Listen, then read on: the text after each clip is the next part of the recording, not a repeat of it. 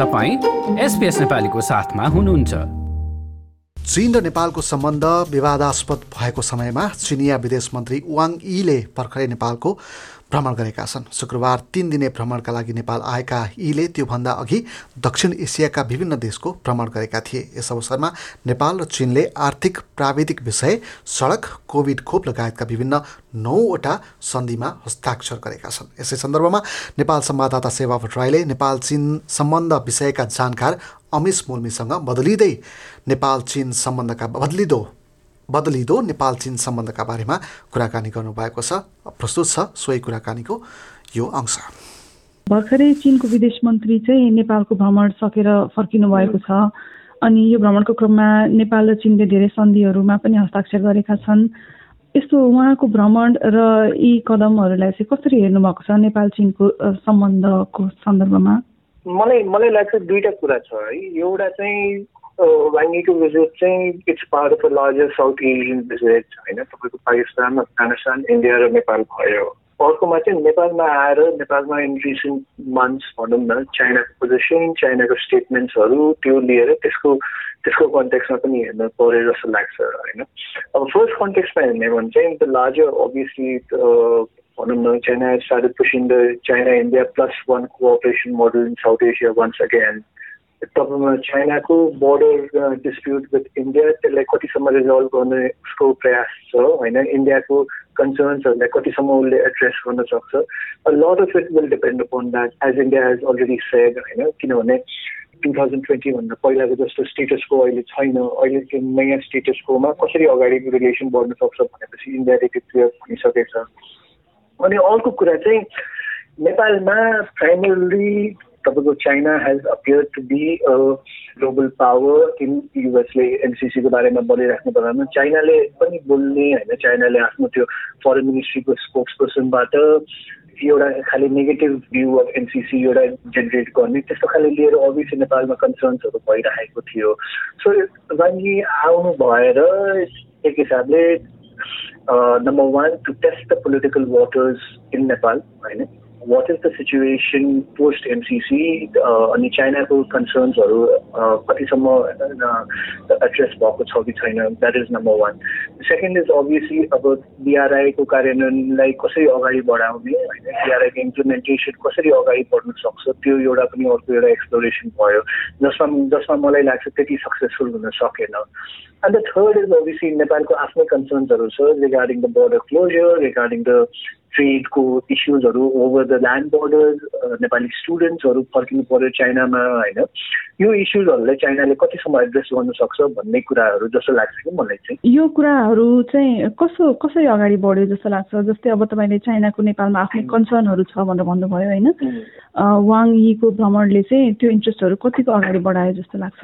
चाइनाको primary interest एउटा चाहिँ security नै? हो होइन किनभने नेपालको जुन हिमालयन बोर्डर छ एक हिसाबले चाइनाले त्यसलाई पोरस पनि मान ठान्छ अनि then Tibet has always been a major concern in the new global अर्डरमा चाहिँ चाइना हेज बिन पर्सिभिङ कि अमेरिकाले एउटा इन्सर्कलमेन्टको पोलिसी लिएको छ not just in Indo Pacific but also in South Asia होइन अनि the MCC is part of that encirclement programme जस्तो बेजिङले फिल गरेको जस्तो लाग्यो त्यो राजनैतिक हिसाबले के रहेछ त सिनारियो इन नेपाल होइन त्यो त्यो पनि एउटा छ अदर थिङ अभियसली बिआरआई किन अगाडि बढ्नु सकेन भन्ने एउटा कुरा जुन प्रश्न आइरहेको छ होइन बिआरआईसँग लिएर नेपालले has been consistently maintaining that हामीलाई प्रेफरेबली ग्रान्ट चाहिएको छ even if it's loans it has to be an a much more favourable rates than is currently होइन अनि यस्तो इस्युजहरू आइरहेको बेलामा चाहिँ अब बिआरआई कसरी अगाडि बढाउने भन्ने पनि एउटा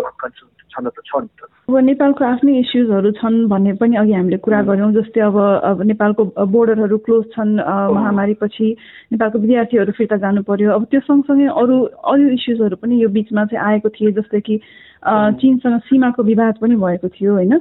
अब वाङीको भ्रमणले चाहिँ यी समस्याहरू सुझाउनमा चाहिँ कतिको मद्दत गर्यो जस्तो लाग्छ? हाई लेभल डिप्लोमेसीमा एउटा चाहिँ त्यस्तो भिजिट भएपछि एक हिसाबले एउटा आफ्नो त्यो क्ल्यारिफिकेसन्स त हुँदै हुन्छ। बोथ साइडको पोजिसन्स पनि आफ्नो त्यो पुट फोर्थ हुन्छ होइन? First high level visit after सिजिङको visit चाइनाले चाहिँ एक हिसाबले नेपालको कन्सर्न्सहरूलाई एड्रेस गर्न खोजेको देख्नु सक्नु पर्यो कि? द फ्याक्ट इज हाम्रो टु थाउजन्ड सिक्सदेखि एउटा जुन बााउन्ड्री मेकानिजम बस्नुपर्ने हो त्यो बसेको छैन। जुन यो दुई वर्षदेखि बोर्डर क्लोजर भएको छ। त्यसले हाम्रो ट्रेड ट्रेडलाई त बेसरी नै अफेक्टै गरेको छ होइन? त्यो पनि आफ्नो हाम्रो एड्रेस गर्नु सक्नु पऱ्यो। बट बियोन्ड द्याट अल्सो अब हाम्रो जुन हिमालयन भेगका बासिन्दाहरू जुन छन् होइन who working in China who securing who getting supplies from China food सप्लाइजदेखि लिएर अरू सप्लाइजहरू भनौँ न टाक्लाकोटदेखि लिएर अरू these Tibetan town cities across the border त्यो पनि अहिले डिस्टर्ब भएको छ. सो त्यो डिस्ट्रक्सनले पनि अलिकति क्लियर त गर्नु सक्नु पऱ्यो नि त। चिन चाहिँ आजकल नेपालको मुद्दाहरूमा चाहिँ अलिक बढी नै हस्तक्षेप गरिरहेको हो कि भन्ने हाम्रो चिन्ता बढिरहेको छ। जस्तो बिचमा राजदूतले आएर कम्युनिस्ट पार्टीहरू मिल्ने हो कि भन्ने जस्तो कुरा गर्नुभएको र अहिले भर्खरै पनि एमसिसीको बारेमा चाहिँ चिनबाट एउटा आधिकारिक खालको धारणा आएको। यो कुराहरूले चाहिँ यो कुराहरू कतिको चिन्ता मान्नुपर्ने कुरा हो जस्तो लाग्छ? हाम्रो इन्टरनल अफेयर्समा एक्सटर्नल पावर्सहरूको हस्तक्षेप भनेको आफ्नैमा एउटा चिन्ताको विषय हो। त्यो चाहिँ it doesn't matter whether it's China whether it's India whether it's US त अर्को कुरा के छ भने चाहिँ चाइनाले यसरी ओपनली आएर होइन कम्युनिस्ट पार्टीहरूसँगै हुनु पऱ्यो एमसिसीको विरुद्ध स्टेटमेन्टहरू निकाल्ने भने चाहिँ त्यसले पनि दुईवटा कुरा दर्शाउँछ। एउटा चाहिँ China is a lot more assertive अनि confident of its position in Nepal त्यस्तो त्यस्तो खाले स्टेटमेन्ट्सहरू यसले निकाल्न सक्छ चाइना बेजिङले भन्नु सक्छ without any sort of political let's say fall back in the country the second is चाइनाले communist पार्टीहरूको जुन देखाएको छ किन एउटा के देखाएको छ भने चाहिँ वाङ्गीको स्टेटमेन्टमा पनि एउटा पार्ट के छ भने China is open to all parties and all factions भनेर भन्छ। तर कम्युनिस्ट प्रेफरेन्स देखेको भनेको चाहिँ स्योरली त्यो ओपनली नै देखिन्छ।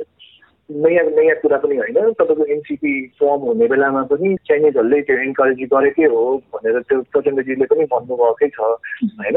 एन्ड देन आफ्टर द्याट तपाईँको सिसिपी र एनसिपीको फर्मल टाइप्स भएको छ तपाईँको सी जिङपिङ थटमा आफ्नो क्याडेटहरूलाई ट्रेन गर्ने भएको छ। यो इस्युले चाहिँ एउटा एउटा के देखाउँछ भने चाहिँ you Nepal's communist also want to imitate China's communist होइन? त्यसले एउटा प्रश्न त्यो फर्स्ट प्रश्न भयो। नेपाली प्रजातन्त्रको बारेमा के भन्छ त्यो? त्यसमा एउटा अर्को प्रश्न के जोडिन्छ भने चाहिँ यदि कुनै अर्को पार्टीले कुनै अर्को राजनीतिक संस्थाले त्यस्तो एसोसिएसन फर्मल एसोसिएसन अरू कुनै पार्टी अथवा चाहिँ इन्डियाको कङ्ग्रेस अथवा इन्डियाको भाजपासँग गरेको भए त्यसलाई जनता नेपाली जनताले कसरी लिन्थ्यो त? नेपाली पोलिटिकल डिस्कोर्समा कसरी हेरिन्थ्यो? यो जुन हिसाबले चाइनाले आफ्नो पोलिटिकल इन्भल्भमेन्ट देखाइराखेको छ त्यो एउटा कन्फिडेन्स पनि छ आफ्नो सर्टिफिकेट्स पनि देखिन्छ ग्लोबल पावर भएको त्यो पनि आइन्छ म कम्फर्टेबल इन नेपाल त्यो पनि देखिन्छ अनि अर्को प्रेफरेन्स पनि देखिन्छ। But at the same time डेमोक्रेसीको एउटा के फेसिनेटिङ त्यो हुन्छ भने चाहिँ तपाईँ जति एउटा डेमोक्रेसीमा जति एक्टिभ हुनु खो खोज्नु भयो नि होइन तपाईँ इन्डियादेखि लिएर अमेरिकादेखि लिएर इभन चाइना न हो होइन जति एक्टिभ हुनु खोज्नु भयो त्यति नै तपाईँको क्रिटिसिजम अथवा क्रिटिक आउन सक्छ। कि पाँच वर्ष अथवा दस वर्ष अगाडि चिनलाई हेर्ने लेन्स र अहिले चिनलाई हेर्ने लेन्समा धेरै फरक छ नि पहिलाको हाम्रो चिनको धारणा थियो नि जस्तै कि एउटा असल छिमेकी हो जसले नेपालको आन्तरिक मामलामा केही हस्तक्षेप गर्दैन भन्ने त्यो धारणा मलाई लाग्छ चाहिँ अहिले एरोड भइरहेको छ है। चिन मात्रै होइन अब विश्वका थुप्रै अब सुपर पावरहरू चाहिँ नेपालमा सक्रिय छन्। नेपाल आफै भारत र चिनको बिचमा एउटा चपेटामा जस्तो छ। त्यसमाथि अब नेपालले अब चिन र अमेरिकालाई कसरी सन्तुलनमा राख्ने भन्ने पनि सोच्नुपर्ने जस्तो देखियो पछिल्लो परिस्थिति अनुसार। यस्तो अवस्थामा चाहिँ नेपाल जस्तो सानो देश जसको चाहिँ कुनै अब एउटा सफ्ट पावर मात्रै छ अब उनीहरूसँग तुलना गर्ने खालको एउटा शक्ति छैन। नेपालले चाहिँ कसरी सन्तुलन बनाइराख्नुपर्छ जस्तो लाग्छ? जुन हाम्रो नन अलाइनमेन्टको पोलिसी चाहिँ त्यो नन अलाइनमेन्टको पोलिसीलाई हामीले बुझ्नु सक्नु पर्यो जुन हामीले आफ्नो इन्साइन गरेर राखेको छौँ फरेन पोलिसीमा त्यसलाई हामीले राम्ररी डिफाइन गर्न सक्नु पर्यो अर्को कुरा चाहिँ जबसम्म हाम्रो फरेन पोलिसी होइन हाम्रो भनौँ न विदेश नीति एउटा राजनीतिक हिसाबले हेरिन्छ होइन। इट इज पोलिटिकल पोलिटिसियन नेता आउनुभयो भने चाहिँ एकतर्फ ढल्किने अथवा अर्को आउनु भने अर्कोतर्फ ढल्किने त्यस्तो खाले जुन यो पोलिटिकल हिसाबले फरेन पोलिसी अगाडि बढ्छ त्यो चाहिँ हुनुहुन्न होइन फरेन पोलिसीमा एउटा कन्टिन्युटी आउनु पर्यो फरेन पोलिसीलाई एउटा non political lens non political रिलेसनसिपको हिसाबले पनि हेर्नु पर्यो जुन सपिङ डिप्लोमेसी भनेर पनि कति कमेन्टेटरहरूले जुन भन्छ होइन त्योभन्दा बाहिर हामी जान सक्छौँ कि सक्दैन त्यो अरू अरू कन्ट्रिजहरूसँग कुरा गर्ने बेलामा खालि ग्रान्ट एड लोन्स यस्तोको मात्रै कुरा गर्ने कि हामीले इन्भेस्टमेन्टको कुरा गर्ने हामीले आफ्नो छिमेकीहरूलाई उनीहरूको जुन सिक्युरिटी इन्ट्रेस्टहरू छ त्यसमा अस्योर गर्न सक्नु पर्यो यो सबै कुराहरू आउँछ कि? यो जस्तै अन्य प्रस्तुति सुन्न चाहनुहुन्छ? एप्पल पोडकास्ट गुगल पोडकास्ट स्पोटिफाईमा हामीलाई खोज्नुहोस् वा तपाईँले पोडकास्ट सुन्ने अन्य सेवामा।